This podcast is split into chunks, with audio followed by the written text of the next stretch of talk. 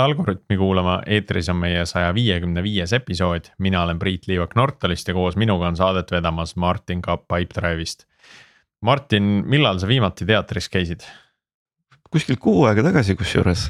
Äh, et, et aeg-ajalt ikka satub sinna, kuigi viimane kord oli äh, sihuke lasteetendus, Tartus käisime perega, et ähm, aga jah, ei aeg-ajalt ikka satub päris huvitav, see minu viimane teater oli ka äh, lasteetendus.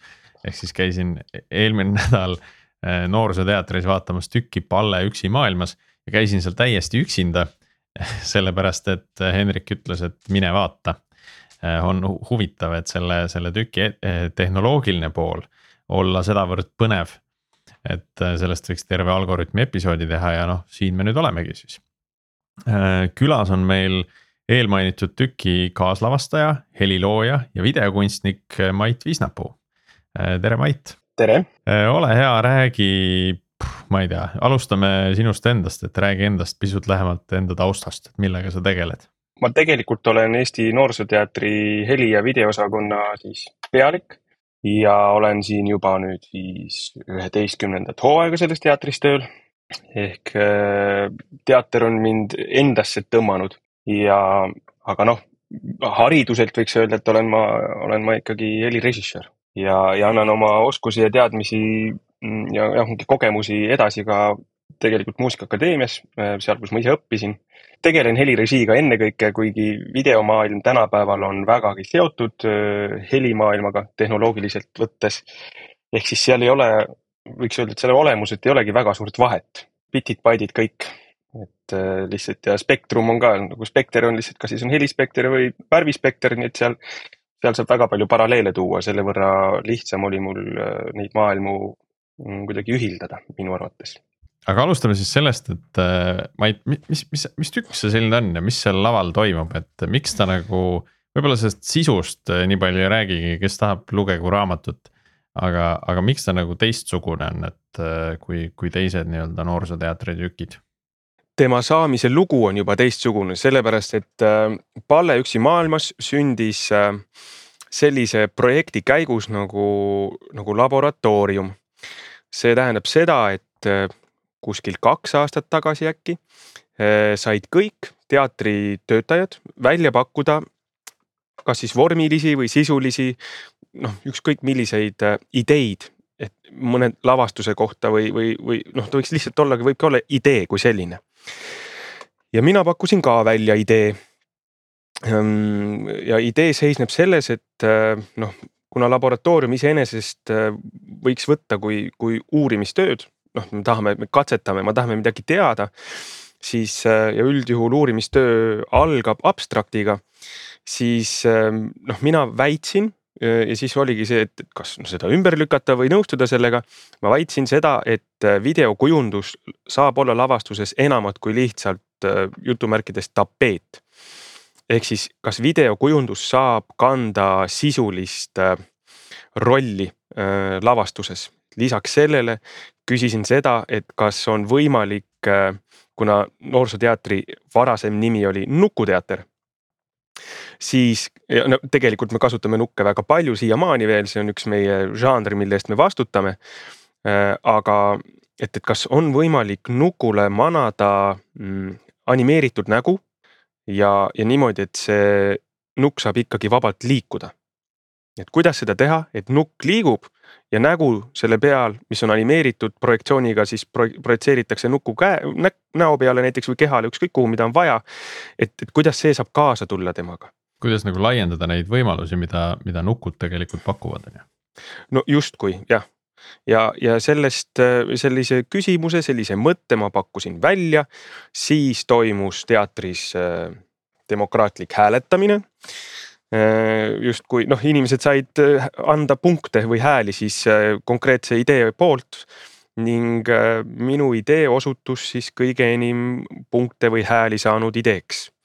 Sealt edasi anti siis mulle võimalus teatud ressurssidele, ennekõike ajaline pluss siis inimressurss, võib-olla ka mingid materjalid. et ma saaksin seda ideed siis mingil määral teostama hakata. niimoodi, et äh, mul oleks võimalus mingi aja pärast teha selline demo, kus ma siis näitan ütleme sellise paariminutilise demona, et umbes selline see, see idee siis võiks päriselt olla noh, ma mhm. tegingi mm -hmm. siis selle demo, ongi umbes kaks poolteist aastat tagasi, tõesti enam ei mäleta, see oli kaks aastat tagasi äkki oktoobris oligi. ning äh, see demo õnnestus mm,.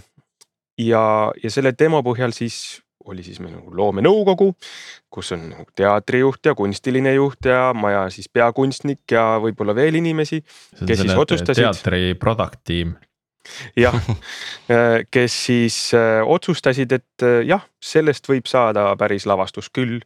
ja, ja siis juba mindi päris, alates sellest hetkest hakkas siis alles selline traditsiooniline lavastuse väljatoomise protsess, kus ongi eelkavandid, eelkohtumised, siis on kavandi vastuvõtmine, mis tähendab seda, et sa mõtledki kõik juba välja peas ja, ja tegelikult pead sa siis kas tegema 3D joonistuse lavakujundusest mm,. sul on meeskond, noh kunstiline meeskond, sa tead, kes on trupp äh,, ajakava, raam on teada, et see on selline kavandi olemus, kus siis seda noh, kus jällegi omakorda võetakse see vastu, kavand kinnitatakse ja siis noh, see on juba traditsiooniline protsessi osa ja siis hakkab justkui on õige hetk, siis hakkavad proovid pihta ja nii edasi kuni esietenduseni mm. -hmm. et selline, selline on see protsess nii, eh, noh lavakujundust eh, minu arust seal justkui nagu väga palju polnudki, et olid ju valged kuubikud ja nukud olid laval, et. ja, need eh, olidki sellised kuubikud laval lihtsalt, neid on kokku äkki seitse eri mõõdus mm, ning noh, demol ma tegin need kuubikud pappkarbist lihtsalt, katsin nad valge paberiga, tohutu käsitöö. ja aga nüüd päris elus on siis või päris lavastuses on kasutatud ikkagi MDF siis noh, materjali mis on selline kokku pressitud äh, puitkiudmaterjal, mis on nagu tugev. Äh, ja selle peale on siis valitud äh, värv, mis on siis projektsioonivärv, selles mõttes, et tema peegeldustegur on natukene suurem kui tavalisel värvil. ta on ka selle võrra kallim, aga, aga noh, see osa tehnoloogiast tuleb ka ikkagi läbi käia oluline, väga olulised detailid, vaata, millele nagu teatrikauge inimene ei oska nagu mõeldagi ja ei tuleks selle pealegi, et oh,, et sul peaks ikka teistmoodi värvi kasutama, noh valge seina peale küll ju. noh valge no jaa, aga ongi need kastid ei ole valged, sest et kui nad oleksid valged, siis nad kiirgaksid seda valgust piisav, liiga palju, et, et see pilt ei jää puhas. sellepärast on ta hallikas äh,, hallikas projektsiooni värv, ehk siis tema neeldumistegur on jällegi selle võrra väiksem, aga tema, tema peegeldustegur on jällegi väga hea, see on ka see, et kas ta noh kas ta peegeldab otse või ta hakkab noh nurga all peegeldama või noh, seal on ka erinevad äh, nagu tegurid tulevad käiku. nii, aga kui ma nüüd äh, kirjeldaksin seda, mida mina äh, etendusel nägin, et, et oligi laval, laval oli siis nukk ja terve hunnik neid halle kuubikuid, millega siis manipuleerisid seal taga näitlejad. ehk siis noh, tõstsid neid erinevat moodi ringi ja, ja samal ajal projitseeriti siis nende kuubikute peale mingisugust pilti. noh, et näitleja tõstis kaks kuubikut üksteise otsa ja äkki ilmus lavale külmkapp, on ju. Äh, ja, ja siis, siis kui nukk lähenes külmkapile ja, ja puudutas seda, siis see külmkapi uks avanes. et noh, päriselt külmkappi, eks ole, laval ei olnud, aga lihtsalt see video, mis sinna kuubikute peale näidati, näitas külmkapi ust avanevat. Äh, ja siis tekkis sellest see nii-öelda noh, mitte, mitte siis taust, aga juba siis Äh, interaktiivne element, millega siis see äh, tegelane seal loos äh, suhtles või suhestus on ju. nüüd selleks, et seda asja kokku panna kui, kui lihtne see Mait sinu jaoks oli, et kas sul oli juba teada nagu kõik see tehnoloogiline pinu, mida sinna nagu üles ehitada? kui aus olla, siis ei olnud mul veel kaks nädalat enne esietendust töötavat süsteemi aga sa teadsid, millega seda teha? ma nagu kujutasin, jah, ma kujutasin ette, kuidas seda võiks teha ja, ja ma nägin selles mõttes jah, kurja vaeva, et see lahendus tööle saada mm,. sellel demol, mis ma rääkisin, eks ju, seal laboratooriumil, seal ma ei kasutanud äh, äh, siis äh, tracking ut, motion tracking ut kui sellist. sest et ongi, selleks on erinevaid äh, viise, kuidas teha niimoodi, et sul on nukk, kelle peale on manatud, eks ju, video ja nüüd see nukk liigub ja video liigub temaga kaasa.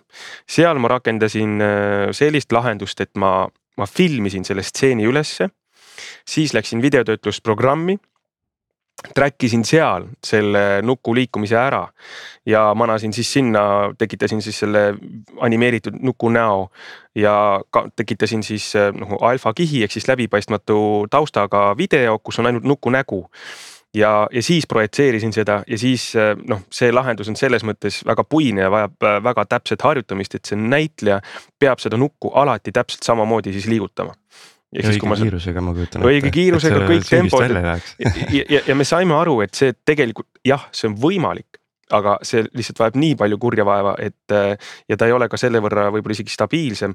et, et, et noh, sellist lahendust ma ei, ei saanud tegelikult lõpuni kasutada ja siis ma teadsin, et jah, mul on vaja tekitada motion tracking'u süsteem kui seda sellist asja guugeldada või otsida, siis, siis noh, neid on erinevaid, loomulikult on.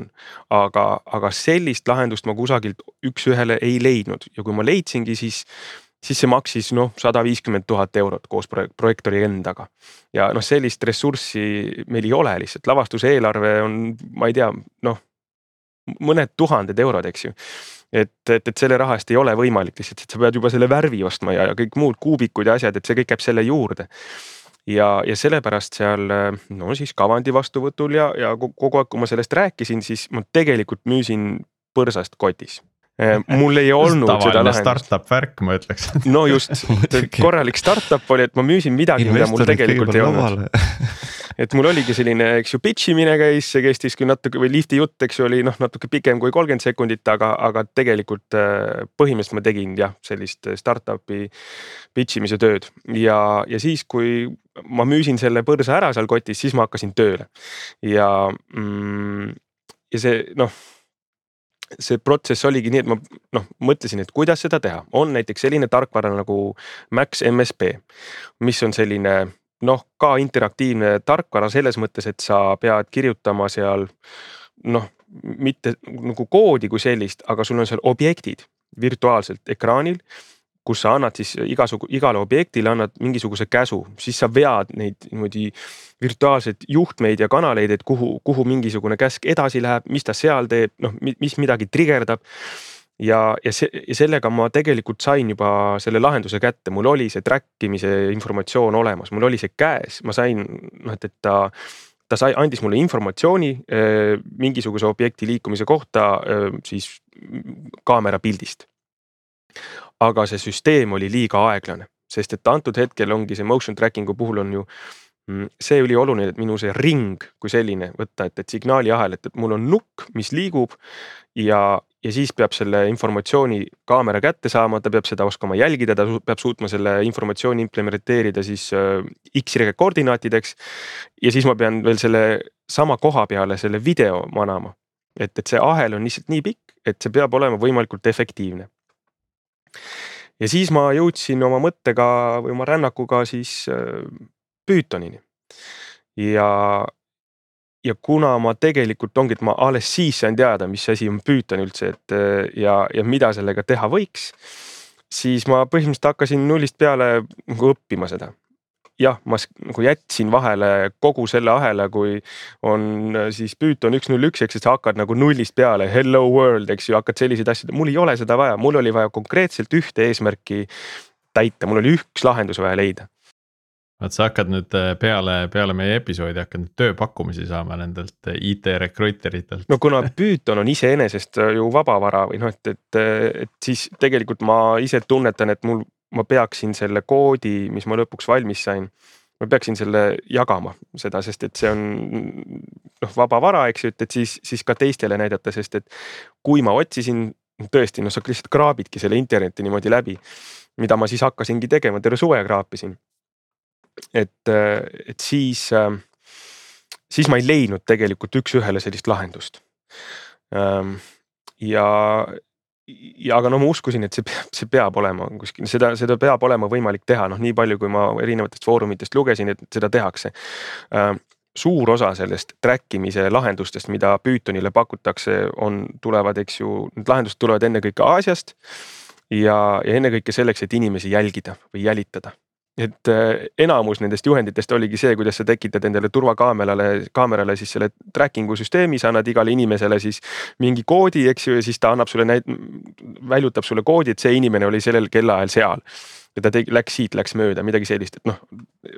ma saan aru, miks seda hästi palju on, no lihtsalt kui me teame, mis Hiinas see, toimub, siis. see lihtsalt aitas sind võrdlemisi vähe. see aitas mind väga vähe, aga, aga kusagilt ma lõpuks ikkagi pusisin selle ära ma küsisin, see on huvitav, aga ma küsisin abi inimestelt, kes justkui oskaksid Pythonit Eestis. Ja esimene inimene, kes on siis lõpetanud TTÜ siis IT-ala, mm, ta ei osanud mind aidata, ta küll teadis Pythonit, aga ta ei saanud aru, mida ma tahan või noh, et ta ei ole sellist asja kunagi Pythoniga teinud.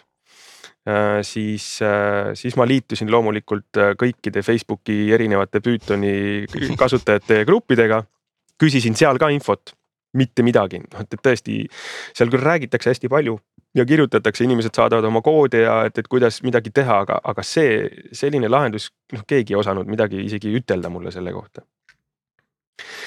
ja siis, siis kraapisin ja otsisin edasi veel ja, ja lõpuks ma sain nagu pihta, mida ma pean tegema, mul on vaja mm,. mul oli vaja siis noh track ida ja kõigepealt on mul vaja saada kaamera ja kaamerast informatsioon üldse Pythonisse sisse. ja, ja see ja lisaks sellele ma kasutan sellist kaamerat, mis on siis Ximea toodang, see on üks saksa nagu selline industriaalkaamerate tootja nagu ettevõte. seda, seda kaamerasüsteemi kasutatakse miks ma valisin selle, sest et noh, kuna ma olen Muusikaakadeemiast pärit ja ma töötan seal siiamaani, ma tean, et on selline, selline süsteem äh, ka haridusmaastikul kasutuses nagu Loola, low latency. ehk siis äh, see on selline süsteem, kus heli ja video, tema ahel siis on hästi lühikene. Või õigemini hästi kiire distants võib olla sul tuhandeid kilomeetreid. ja milleks seda kasutatakse, seda loolat kasutatakse selleks, et sul on üks muusik on sul Tallinnas näiteks ja teine muusik on sul äh, New Yorgis. Ja kui see võrk on piisavalt hea, siis nad saavad koos kas esineda või harjutada. Ja see viide, see on see, et, et äh, viiuldaja tõmbab poognaga ja klaverimängija vajutab klahve ja see viide ei tohi olla nii suur, et nad ei saaks omavahel, äh, nad peavad saama omavahel ju koos mängida ja siis ongi, et selle Loola siis süsteemil on äh, siis see ahel kogu round up oli noh, kuskil kakskümmend millisekundit. sõltuvalt võrgust, mis on noh, piisavalt väike veel, et nad saaksid koos musitseerida. nüüd selle Loola, kuna ma teadsin, et selline asi on olemas ja selleks kasutatakse seda, seda kaamerat, sest et see kaamera annab lihtsalt oma informatsiooni väga kiiresti kätte siis äh, ma kasutangi seda Ximea kaamerat. nüüd Ximeal on API olemas, sa saad, äh, sa saad nagu mm, noh, mm, siis äh, selle paketi, eks ju, sinna Pythonisse installeerida, aga aga tegelikult ei saa ka või noh, et seal oli, seal pidi jällegi möllama sellega, et üldse sellest kaamerast pilt kätte saada. hästi palju nagu selliseid tõrkeid tekkis ja noh, võib-olla oli asi selles, et ma kasutasin, kõigepealt ma tahtsin selle oma M1 äh, MacBook Pro peal tööle saada. ja, ja ma ei saanud. ja siis ma läksin tagasi Inteli põhisele MacBook Prole ja, ja sealt ma sain ta lõpuks kätte ja nii ja sellepärast ma kasutangi praegu ka ühte, selles lavastuses ongi erinevad arvutid ja on üks arvuti, kes tegeleb selle tracking uga, kus on see ainult see Python peal ja see on üks siis üks, ma ei tea, üle-eelmise generatsiooni Mac mini lihtsalt. noh, ja nüüd ma saan siis sellest Pythoni abil saan sellest kaamerast selle signaali kätte ja nüüd on mul järgmine pakett, see pakett on siis see, mis, mis näeb pildil kõige eredamat punkti ja, ja tekitab selle ümber ringi.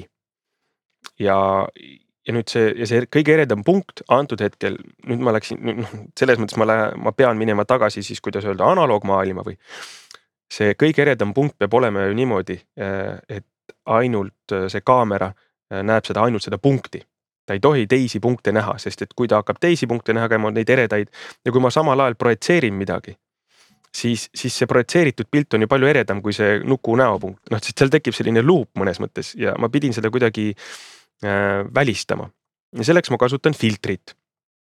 ma panen kaamera ette lihtsalt äh, infrapunafiltri ehk siis ta lõikab kõik muud äh, sagedused ära, alates siis kuskil seitsmesaja viiekümnest äh, laine pikkusest, eks ju, seitsesada viiskümmend nanomeetrit, ehk siis sealt hakkab infra, tegelikult natuke varem, siis äh, ta näeb ainult infravalgust, infrapuna ja mul on nuku pea siis see ehitatud väikene selline LED-diood, mis tekitabki ainult infrapunavalgust.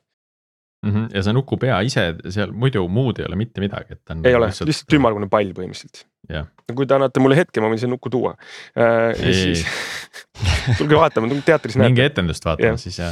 no just, noh ja nüüd see nukupea siis ongi, et, et mul kaamera näebki ainult seda infrapunavalgust ehk siis seda kõige eredamat punkti, see liigub seal pildi peal ringi äh, objekt või siis pakett näeb mul seda Pythonis seda eredat punkti, tekitab selle ümber ringi ja, ja koostab sellest siis mul järgmise ülesandena X-Y koordinaadid sellel pildil.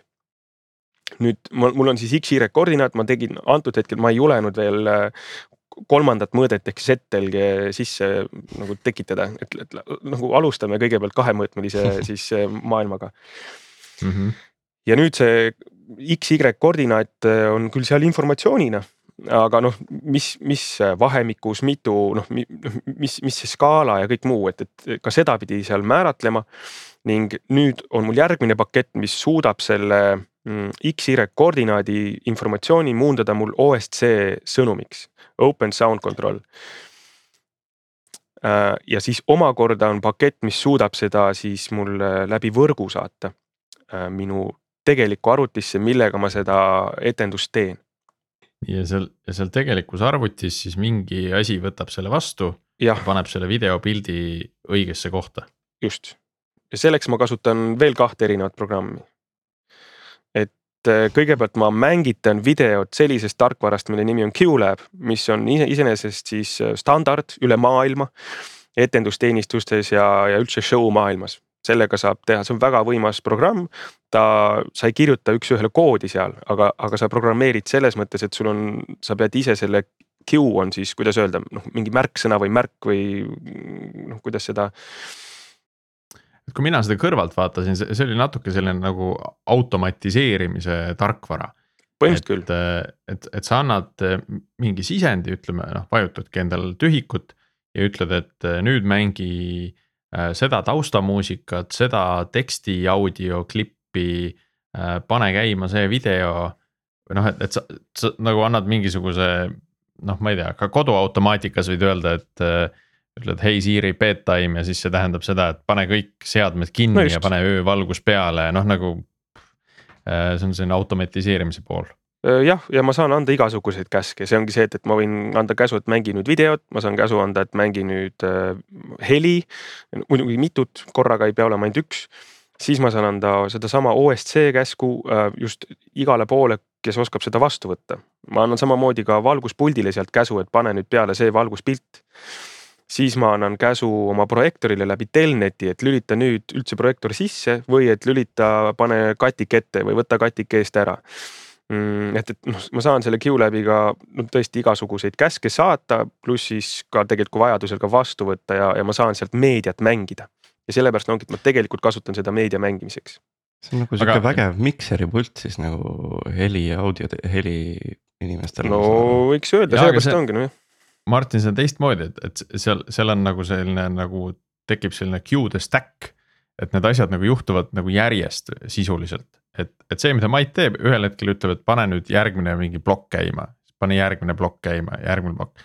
aga Mait, kui ma seda nagu vaatasin, et, et miks sa nii ei tee, et sul kõik on lihtsalt koos, et vajutad nagu play nuppu ja siis nagu hakkab lahti rullima nagu, et on üksikuid etendusi meil selliseid, kus ma tõesti vajutangi ühe korra tühikut ja kogu etenduse vältel kõik ülejäänud asjad toimuvad automaatselt see on siis, kui sul teatud pikkused on võimalik ära fikseerida, aga kuna meil on siiski teater ja seal on teatud teatri elu sees, siis minu märksõnadeks eh, see on, ongi, et, kes annab sisendi mingisuguse tegevuse jaoks. on, on eh, heli ja videofailid, mille osas eh, mina annan siis sisendi näitlejale midagi teha aga, aga tegelikult on ka teisipidi on ju. väga palju on ka teisipidi, see on see, et, et nukk, ma tean, et ta nukk peab ütlema, et vahva, nüüd ma saan teha kõike, mis ma tahan. aga see ei ole minu vajutuse järgi, ongi, et see, see lause ei tule minu järgi, vaid näitleja, ma näen, et nukk hakkab nagu ütlema midagi ja siis ma vajutan seda, et see on, aga see sõltub jällegi seda, kuidas näitlejad nukuga mängivad. või kuidas laval üldse näitleja midagi tahab ütelda või teha, et see ei pea ainult nukupõhine olema või siis on mingi konkreetne tegevus, noh, et, et inimene võtab telefoni. no näiteks just just õigel hetkel vajutan, sellepärast ei saagi olla selles mõttes automaatne kõik. loomulikult kõik, mis saab, selle ma teen automaatseks ja sellel on oma põhjus.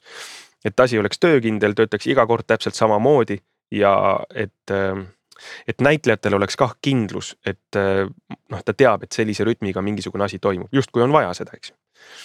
et ma ei tõmba vaipa alt justkui aga kõikide nende queue'de kokkupanemine, noh, see on natuke selline visuaalne programmeerimine, ma saan aru, et ja. paned lihtsalt ahelasse need tegevused ja mm,. et, et seal nagu, seal koodi kirjutama ei pidanud.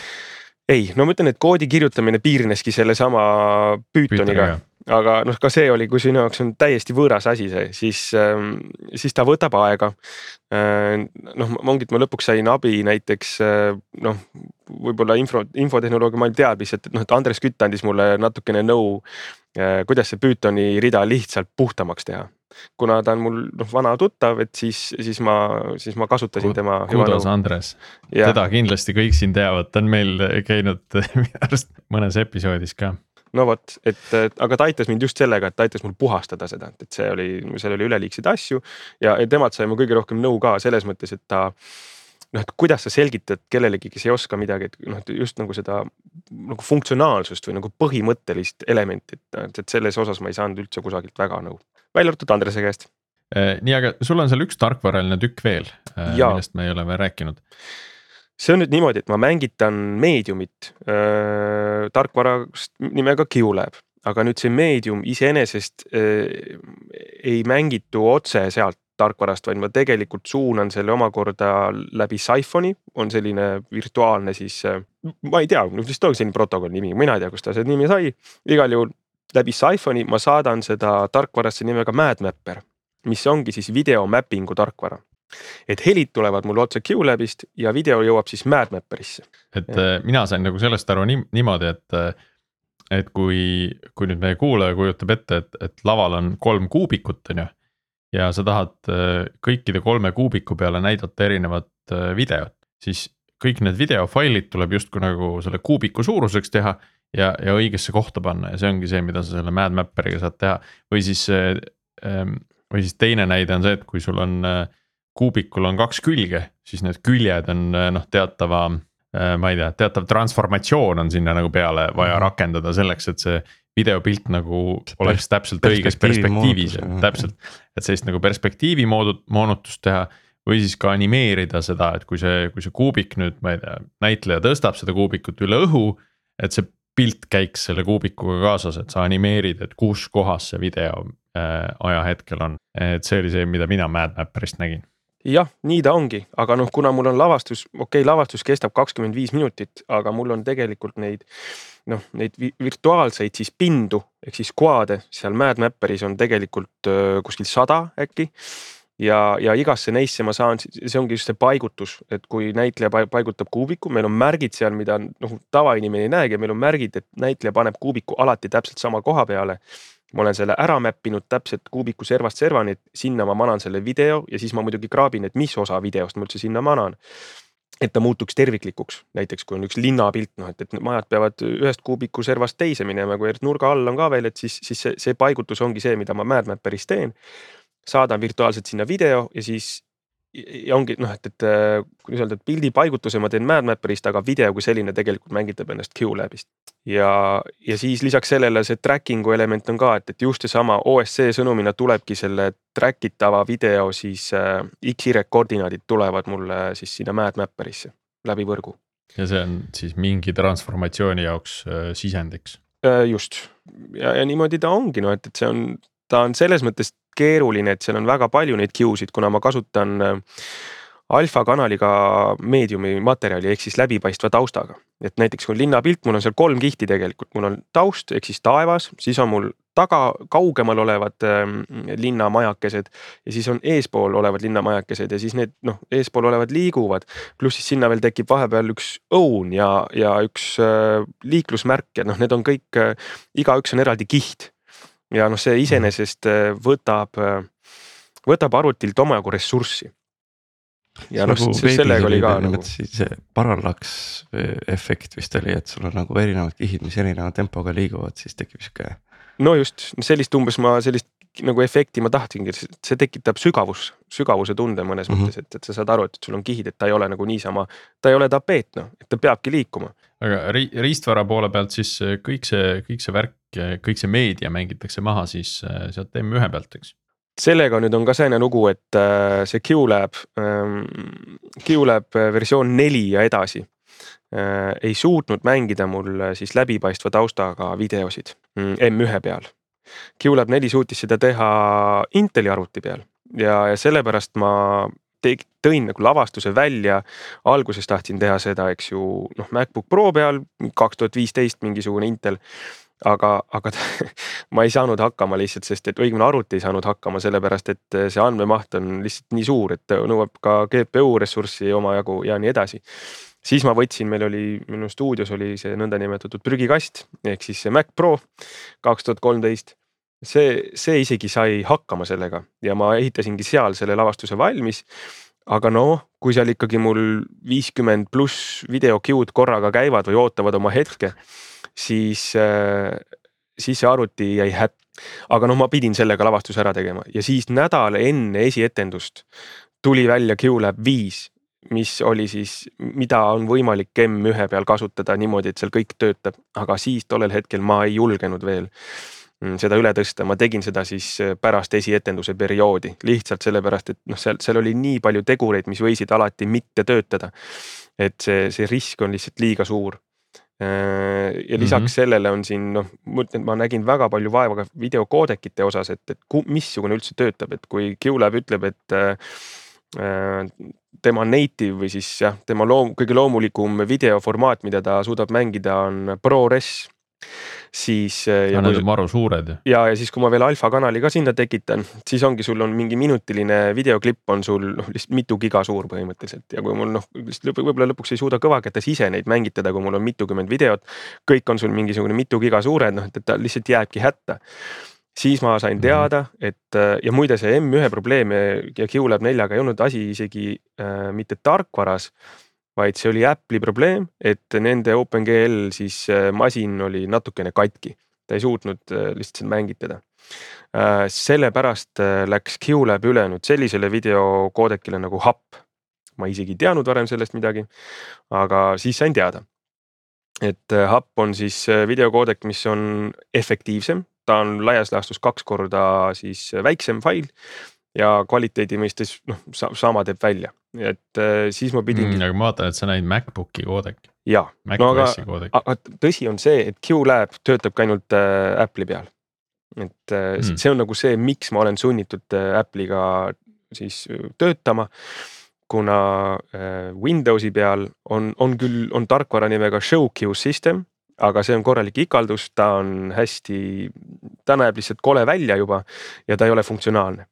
Ehk siis kõik ongi, sellepärast ongi muutunud QLab standardiks, et äh, a la näiteks Eesti Laulul äh, mängitakse QLabilt maha kõik backtrack'id, sest et ta suudab ka timecode'i saata. et siis oleks kõik niimoodi täpselt, et, äh, et seda kasutatakse küll ja veel ning. see on äh, huvitav, kuidas ikkagi Macid on nagu noh, üle maailma kogu aeg räägitakse, et see on standard, kui sa tegeled heliga või videotöötlusega ja ju seal siis on ikkagi mingid omad põhjused, miks see Windows on. ei ole nagu. Siin tõenäosus on ikkagi just see nagu tarkvaraline pool, et on lihtsalt teatud tarkvarad, mis ei töötagi Windowsi peal, on suudetud ta hästi optimaalselt saada tööle siis äh, Apple'i peal ja, ja see on nagu see põhjus, noh, ma ütlen, et seesama QLab, see töötabki ainult äh, Maci peal ja, ja sellepärast ma seda kasutasin. ja nüüd see hub äh,, hub'i ka ei saa lihtsalt selleks ei ole mingit tarkvara, et sa saad seda kuidagi mm, lihtsalt, et tirid sealt ja midagi, selleks on vaja terminali äh,. sa annad seal käsu, et äh, korja sealt see fail, muuda ta hub'iks ja siis, et muuda see faili nimi selliseks ja kus, kuhu sa seda teed ja, ja siis äh, noh, arvuti siis ise teeb selle ära kuskilt aga see on ka selline tekstipõhine ikkagi käsu andmine just selleks, et videot konverteerida. Ja, ja ma pidin kõik need videod ümber konverteerima sellepärast, et äh, animaatorid kasutasid äh, videote tegemiseks Blenderit, mis on vabavara. ja Blender ei suuda ei ProRes'i ega ka happi väljutada, vaid nemad annavad mingi MPEG, noh lihtsalt midagi, mis oli alfa kanaliga. ja siis ma pidin kõik need ümber tegema ja loomulikult see, neid videote äh, noh, videomaterjal kui sellist, noh seda oli kordades rohkem kui see, mis tegelikult etendusse kasutusse läks. sest et alati pidi katsetama, mingi suurus ei sobinud, mingi värv ei sobinud, siis tegime jälle uuesti ja nii edasi. et sellist mm -hmm. lihtsalt pusimist. eeldab sellist korralikku sellist production pipeline'i ka, et noh, et, et sul, sul tulebki juba sealt animaatorilt üks fail Äh, see käib sellest konverteerimisest läbi ja kasutusse läheb hoopis teisena. et kui see nüüd muutub ja sul on vaja mingit muutust teha, et kuidas sa seda kõige efektiivsemalt saad, äh, saad ära teha, et ma saan aru, et sul väga palju seal automatiseerimist selle koha peal ei olnud. ei et, olnud, äh, ma ei suut-, ma ei osanud jah. leida ka seda, et korja nüüd nagu, ma ei tea, korja palun kümme videofaili ja tee nad korraga, konverteeri ära, anna neile igalühele oma unikaalne nimi et äh, ma ei viitsinudki sellega selles mõttes tegeleda, see ei olnud nagu lõpuni prioriteet, et leida ülesse, kuidas see lahendus, mul oli vaja lihtsalt leida lahendus, kuidas mul video tööle mm. hakkab. ja vaata, aga sellega, sellega ongi sageli noh, mida ka nagu arendajad äh, kogevad vahel, et oh, ma pean ainult üks kord tegema seda, et noh, ma teen käsitsi ära, on ju, ja siis avastad nagu projekti lõpus, et, et sa tegid nagu mingi kakssada korda täpselt sama asja, on ju. sest mingid asjad muutusid või midagi juhtus ja no on, on noh, tuleb uuesti, uuesti, et aga see on nagu, see on ju nagu startup'i elu, vaata alguses sa teed niimoodi, et sa lihtsalt teed kiiresti ära. Et ja, saaks midagi. siis sa hakkad mõtlema, et kuidas seda automaatsemaks teha. jah, jah, jah, et kui sa teed järgmist äh, lavastust, siis võib-olla on juba ja. nagu see production ahel rohkem nagu automatiseeritud. ja kui sul on Mac olemas, siis Macis on väga tore automator tool, kus sa saad põhimõtteliselt loodetavasti sa jõuad sinnamaale, et sa drag and drop'id sinna peale ja teisest no otsast tulevad sul need failid välja, et, et vabalt. aga mulle meeldib see, mulle meeldib see, et, et kuidas sa mainisid, et enne esietendust sa ei tahtnud midagi muuta. see on nagu väga hea näide sellest, kuidas ka nagu IT-süsteemides live rollout'e ärge tehke enne olulisi reliise, ärge tehke yeah. suuri muudatusi. sest et sa kunagi ei tea, mis võib, võib nagu tuksi minna selles deploy käigus või mis iganes. ja tegelikult oligi, et kui ma läksin äh, siis kogu selle süsteemiga M1 peale siis äh, tulid lisafunktsioonid, tulid kuskile lisalinnukesed, mida pidi märkima, lisaparameetrid, mida sa pidid panema. ja, ja mul ei oleks tollel hetkel olnud aega seda ära leiutada, et kuidas noh, ta töötab, sest et see aeg, mis on, loomulikult ma oleks võinud kõike seda teha äh, kõik automatsioonid, noh automatiseerida näiteks see konverteerimine, julgeda minna üle, eks ju, teise arvuti peale. noh, mida iganes veel, aga, aga aeg on selles mõttes kriitiline, et ma tean ju, millal esietendus toimub ja noh, seda, see on välja kuulutatud, piletid on välja müüdud, mul ei ole enam nagu noh, tähtaeg lihtsalt surub peale. tähtaeg on paigas. selle noh, see on väga, see on väga motiveeriv asi, tähtajad on kõige motiveerivamad asjad üldse. et, et ma teadsin seda ja ma teadsin, kaugel ma oma protsessiga olen ning selle tõttu tuli noh, ongi kaks viimast nädalat enne esietendust tuli ikkagi väga palju kogu tööd une arvelt teha. et noh, lihtsalt oligi tööpäev oli sul kakskümmend üks tundi pikk enam-vähem, et. aga mis siis, mis siis oli, et, et elasid seal äh, nii-öelda saalis? et ma mõtlen, et kuidas sa seda asja nagu üles arendasid või kuidas sa ka täna nagu testid seda kogu seda pinu, et et sul on, sul on nii palju tarkvara komponente, pluss see sõltub natukene nendest äh, kuubikutest seal lava peal on ju, et. isegi nagu noh, et, et Mad Mapperis sa võid vaadata, kuidas need äh, äh, kastid nagu liiguvad, on ju.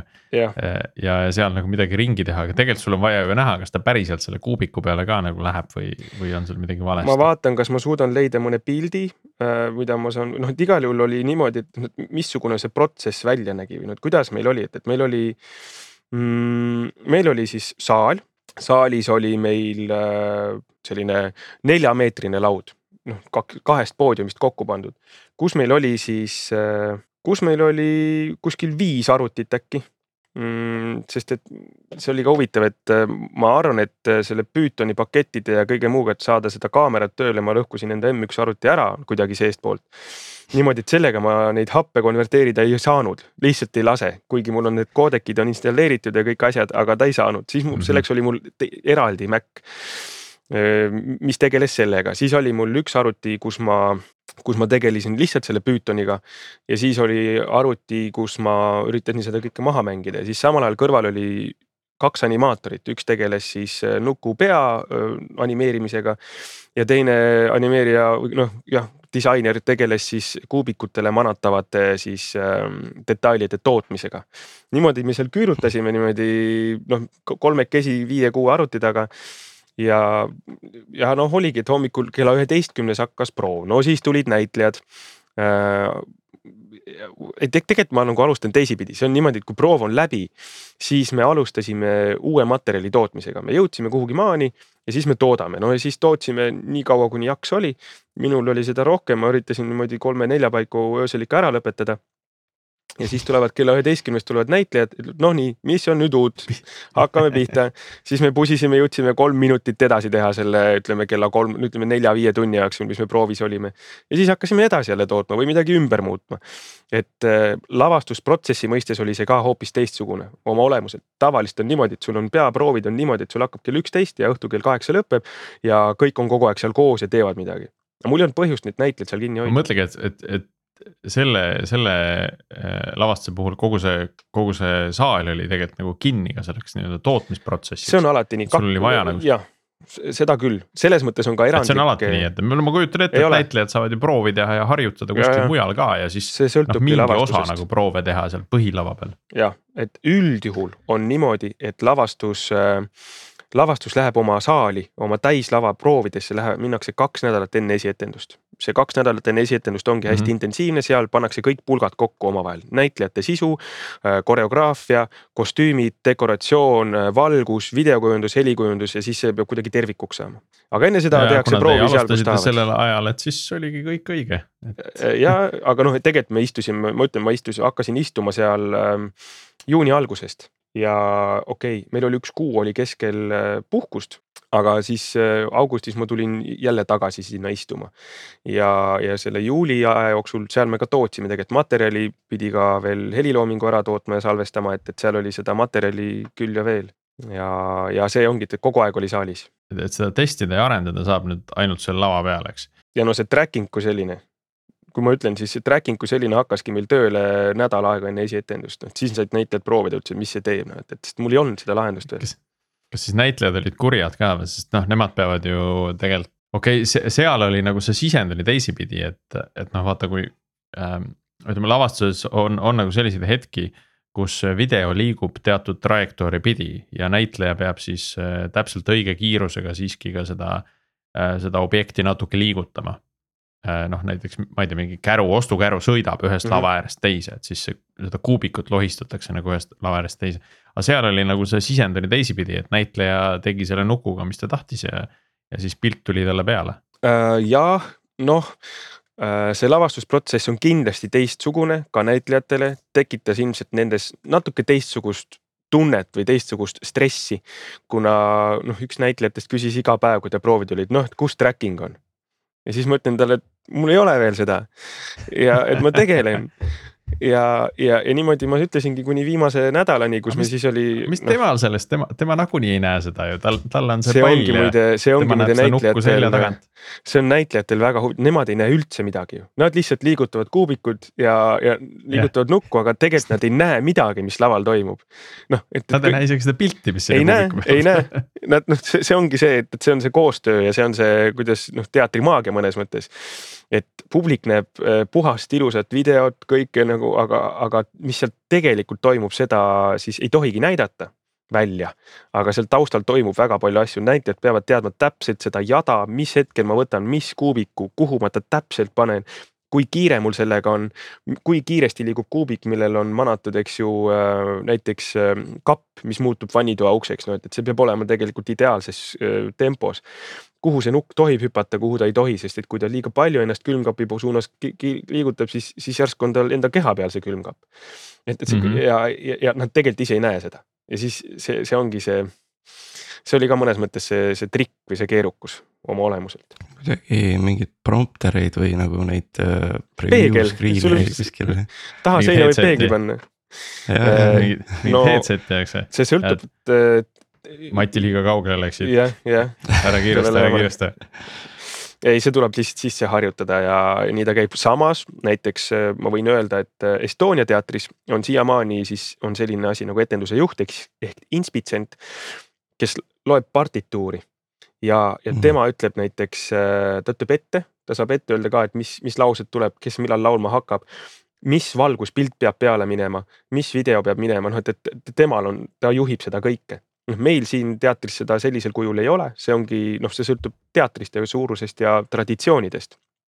meil on ikkagi noh, äh, selles mõttes see, kui me nüüd natukene mõtleme selle peale, et missuguseks on muutunud teater tänapäeval, siis tänapäeval on muutunud teater just nii tehnoloogiliseks, et äh, ta on võrdsustunud näitlejaga minu arvates see tähendab seda, et, et see, tehnoloogia on võrdsustunud näitlejaga. jah, et tal on sama suur roll kui näitlejal laval. kui mina ei vajuta õigel hetkel seda heli või video cue'd, siis etendus katkeb samamoodi, kui näitlejal juhtub midagi. ja noh, sellest tulebki aru saada nüüd kõigil osapooltel, et see on võrdne ja see on suur koostöö, et mina mängin ka seda etendust kui, kui nagu loo edasiandmise mõistes, mitte lihtsalt, et tühikut vajutada sest et noh, ka mina saan seda tempot, selle loo jutustamise tempot määratleda, et kui kiiresti mingid asjad toimuvad.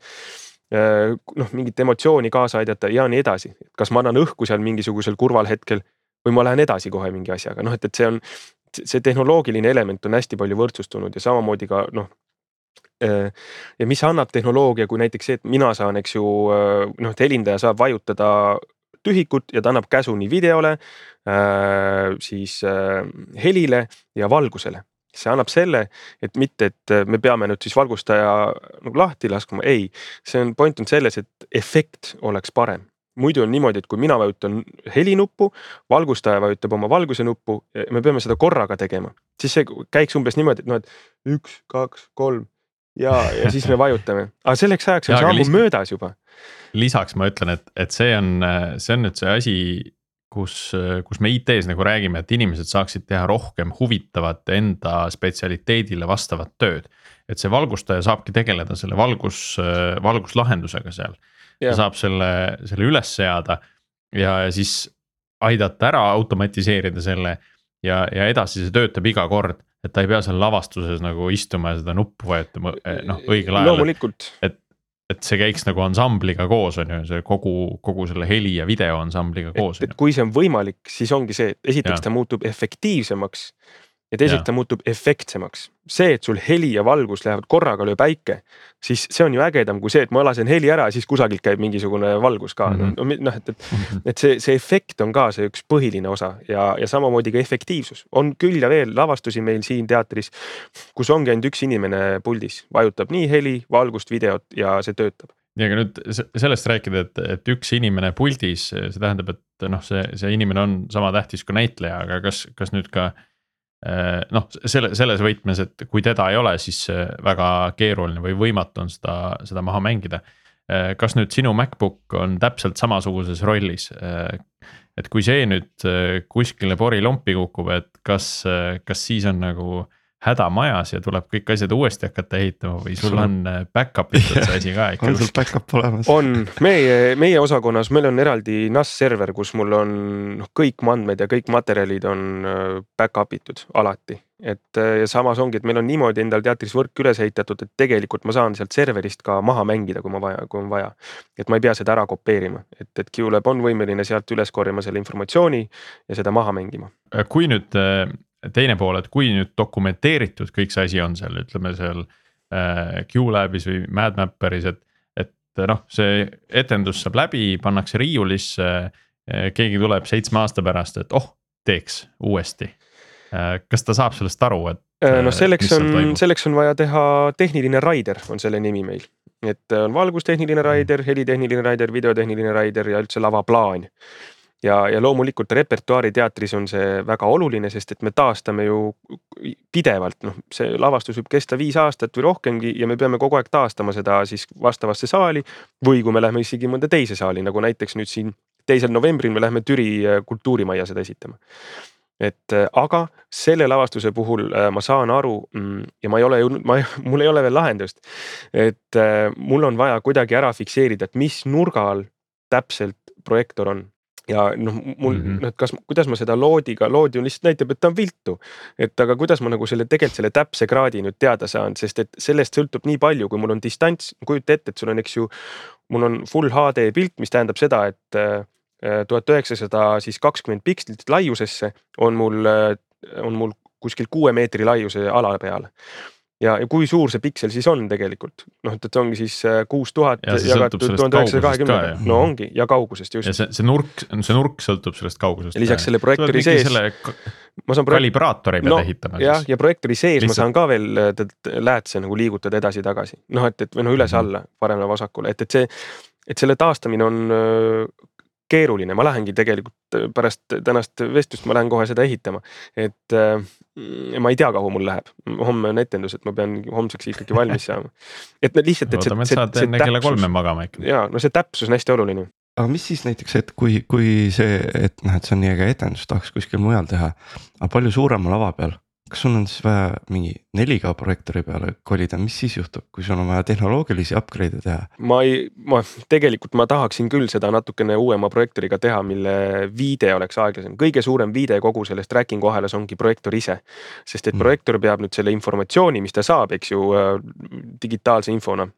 ta peab muutma selle valguseks ja kogu aeg igasugune muundamine on ju kalkulatsioon ja, ja see võtab aega ja, ja selle, ja selle siis sõltubki, kui kiiresti see arvutaja on seal masin siis, kes arvutab selle, et kuidas muundada siis videosignaal valguspildiks põhimõtteliselt või valguskiireks, et, et seal tekib mul tegelikult ikkagi viide, aga mitte nüüd katastroofiline, et, et äkki mul on võimalik seda veel kuidagi äh, veel kiiremaks muuta. see, see on nagu minu järgmine soov. Mait, räägi sellest ka, mis tulevikus saab, et äh, kui, kui tänane, täna oli see Palle üksi maailmas, et äh, kas sul on mõtteid ka, mida sa järgmiseks tahaksid teha, mis oleks nii-öelda veel võib-olla samm kaugemale, samm edasi? no kui tuleb uus laboratoorium äh, meil teatris, siis mul tegelikult isegi üks mõte on ja samal ajal ühte teist mõtet, mis on siis kaaslavastaja Karl Sakritsa idee ja sai laboratooriumis nüüd järgmisel laboratooriumil heakskiidu kas see on veel tehnilisem kui see? ta mõnes mõttes on, ta on teistmoodi natukene selles mõttes, et seal on, seal on meil vaja kuidagi virtuaalmaailm ja reaalsusmaailm äh, kuidagi üheks pildiks tekitada, me peame vaatama, et kuidas see äh,. et kas me joonistame nagu arvutimängu siis justkui või teeme, et ta liigub seal ja siis, et kuidas, kuidas see tegelane saaks korraks ikka tagasi pärismaailma tulla, et ta on nagu laval, kui näitlejatega, rekvisiitidega, kõik on pärismaailm. et see, see nagu sümbioos on vaja tekitada niimoodi, et ta on puhas, et ta, et ta ei oleks jällegi selline. noh, mulle ei meeldi sellised äh, tehniliselt äh, ebatäpsed või räpakad äh, lavastused, mõned sellised, olen sattunud selliste otsa, siis ma saan kohe aru, et ahah, neil on seal probleem olnud ja nad ei olegi seda ära lahendanud, et nad lihtsalt nagu las minna meeleolus, et las see noh, peaasi, et see lugu saab kuidagi jutustatud. idee on hea, aga ta, aga sa tahaks seda, et seda teostus. tunnet ja teostust jah. Ja siis mul endal on üks idee sellesama tracking'u mõistes, et, et olgu praegu oli videoprojektorist tuli pilt, aga mis nüüd, kui nüüd kujutame ette, et meil on viis näitlejat laval ja on ju liikuvad valgustid olemas. mis liiguvad niimoodi, et kui nüüd nad suudaksid näitlejaid jälgida ja sellise hästi kitsa kiirega, et mul ongi kogu aeg näitlejal on valgus peal, aga ta saab sinna liikuda, kuhu ta tahab, et, et aga kuidas ma ei tea, kuidas ma sellele siis äh, robele, eks noh, selle valgustile, kuidas ma talle, kuidas ma talle info saadan üldse, et kuidas ta aru saab no se- seal on seda matemaatikat rohkem, et sul ei ole nagu lihtsalt äh, noh, et, et sa pead selle arvutuse tegema, et kuhu see projektor peab nagu suunama, kuhu see valgusti peab nagu suunama ja Jah. kiire. Et kas ta peab keerama vasakule-paremale, üles-alla, sõltuvalt sellest nagu. ja kui suur see kiir peab olema ja nii edasi, et, et Jah. lisaks sellele, kui mul on viis näitlejat, kuidas ta teab, et just tema peab seda näitlejat jälgima. Et Mhm. noh, et, et noh, mõtteid on, et, et see saab See nagu juba- kasutada tehnoloogiat. ehk siis mitu pange valmis projektorit kõik ja seal mitu kaamerat seal, motion tracking'u jaoks. Pythoni foorumites kõik arendajad, et äh, varsti tuleb Mait küsimustega, et seekord siis olge aktiivsemad, et ärge tehke siis nagu häbi. ärge hoidke tagasi, ärge hoidke ärge tagasi. hoidke tagasi ennast jah, et äh, minge appi ikka. nii, aga kui nüüd nagu veel laiemalt võtta korra siia lõppu äh, mõttevälgatus, et kas tulevikus teevad äh, tehisintellekti poolt programmeeritud robotid teatrit, et kui juba Kindlasti täna mitte. nagu pilti animeeritakse. ei, see on, see on see, nagu teater kui traditsiooniline siis äh, kunstivorm, ta jääb alles. Absoluutselt, lihtsalt äh, sa hakkad neid erinevaid äh, lahendusi ja, ja kuidagi tehnoloogiat siduma sellega, sest et see on paratamatu mm. -hmm. see on nagu muusikastiilidega, kus on, sa oledki lihtsalt stiilid omavahel seganud kokku selleks, et saada midagi uut. ja, ja noh, ja kindlasti on sellel ka oma, oma roll on selles, et lihtsalt teatud tehnoloogia on kättesaadavam. ta ei ole enam nii eksklusiivselt nii kallis, et sa saadki kasutada sedasama noh, arvuti tegelikult, seesama QLab, ta on tegelikult väga võimekas programm et, et lihtsalt kasutada kõik tema võimalused ära, samamoodi Mad Mapperiga, et äh, aga noh, traditsiooniline näitleja jääb ikkagi laval olevaks tegelaseks, kes jutustab lugu ja teda toetab siis kõrvalrollis tehnoloogia. aga noh, see, seda ma küll julgen väita, et nad võrdsustuvad ja nad on juba võrdsustunud, noh. ja seda, seda ei saa enam kuidagi tagasi panna kuskile pudelisse. tead, sellele ma isegi etenduse ajal mõtlesin, et, et noh, mis siis nüüd oleks, kui see palle ka seal eh, etenduses ei oleks mitte see nukk, vaid oleks siis äh, animeeritud tegelane nende, isegi kui seesama palle oleks animeeritud tegelane kuubikute peal ja võib-olla mm -hmm. need mhm. ainult kuubikud liiguksid siis näitleja toel. et juba siis nagu kaoks see võlu ära ja siis mm -hmm. tekiks natuke selline nagu kinoefekt, et. Äh, ja see oli ka ju risk et... või noh, teatud oht oli selles konkreetse lavastuse puhul, et kas me noh, et ega see liiga kinoks ei muutu või liiga multifilmiks aga ma arvan, et ei muutunud, kuna just, et nagu nukk oli selles mõttes näitlejate poolt äh, ellu äratatud ja, ja see on, see on omaette mm -hmm. kunstivorm, kuidas sul kolm näitlejat, kuus kätt liigutavad seda nukku siis, et, et seal on selline korralik kätemeri on tegelikult selle nuku taga, aga sa ei pane seda tähele. sa sa seda, noh, sa võid korraks vaadata, et mida nad teevad, aga põhimõtteliselt sa ikkagi jälgid nukku ja sa vaatad, et mis tema, kuidas tema liigub ja ta on üsna elus seal jah. ja see ei kao kuhugi. Aga kuivõrd lihtne no näiteks ütleme veel see ettevalmistus, eks ole, see lavaline pool. et muidu ju vahe lava kõik need dekoratsioonid valmistatakse ette, ehitatakse, eks ole, et nüüd oli vaja ehitada ainult paar kuubikut ja, ja valmis põhimõtteliselt. et kas see nagu osa võib tulevikus siis olla, mis, et, et, et võib-olla äkki see on see, mis hakkab võitma ajas, eks ole, et. Ja noh, ma olen. dekoratsioonid on lihtsad, valged kanvased ja, ja. seda vast mitte, aga ma tegelikult väga ootan, et kuna teater on suhteliselt suur prügitootja noh, kui te kujutate ette suuri lavakujundusi mm -hmm. ja mis saab sellest, kui ta maha läheb, see on juba värvikihid on peal mingid noh, täiesti ja see on prügi ja ta lähebki prügimäele. mõned asjad on võimalik säästa, alles hoida materjalina, aga, aga suuresti on ta ikkagi prügi ja no noh, tegelikult ootaks, et teatrid hakkaksid, küllap seda on ka, aga mitte Eestis väga palju. et hakataks tootma 3D printeriga dekoratsioone, sest et mm. see on taaskasutatav materjal ja, ja ja ta saab struktuuri mõistes saab ta olema nagu tugevam ja samal ajal kergem. ja võib-olla on isegi võimalik programmeerida siis joonise teed ju 3D joonise niimoodi, et sa saad ta nagu Lego lahti võtta. sa juba oled välja mõtelnud, kuidas ma seda ladustan. ta võtab võimalikult vähe ruumi ja samal ajal on teda võimalikult lihtne üles ehitada et see on nagu üks mhm. samm, mida ma tahaksin, et kunagi võiks juhtuda. et et, et tootmine kui selline muutuks ka efektiivsemaks ja võetaks tehnoloogiat, praegu ikkagi siiamaani joonistatakse joonised. võetakse mõõdulindiga mõõt, lähekse, minnakse puutöökotta, lõigatakse vineerist need tükid välja, lüüakse püstoli, naelapüstoliga kokku, mökerdatakse värviga ära, selleks on kõik kunsti, kunstnikud, spetsialistid ja kõik ja, ja aga lõpuks on ta prügi Tartu Uues Teatris oli isegi ühe, ühe etenduse tarbeks oli kasutatud äh, taustana seda Äh, seda mõõtkava, ma ei tea, mis mingi mõõtkava matt on vist, mis on justkui nagu, et noh, näitab ära, et siin on sul kolmemeetrine joon, aga see on nüüd äh, noh, üks-kahele mõõtkavas. Äh, siis kogu see, kogu see lavaosa, et sa saad nagu selle järgi, seda kasutada siis dekoratsioonide ehitamisel, et. jah, sa võtad maketist need mõõtkava ja siis teed suuremaks, et nojah, aga siin noh, ma ütlen, et see on üks asi, mis, mis võiks kuidagi areneda ja siis samamoodi ka lavad, seda kasutatakse, aga Eestis minu teada jällegi ei ole, et sul on tegelikult, sul on 3D nagu lidari süsteem, et kuidas lava üles -hmm. ehitada ja ta tekitab sulle põrandale näiteks laserit, sul ei ole mingisuguseid märke mm, -hmm. vaid sa tead täpselt millimeetri täpsusega sa paned selle lava lõpuks paika.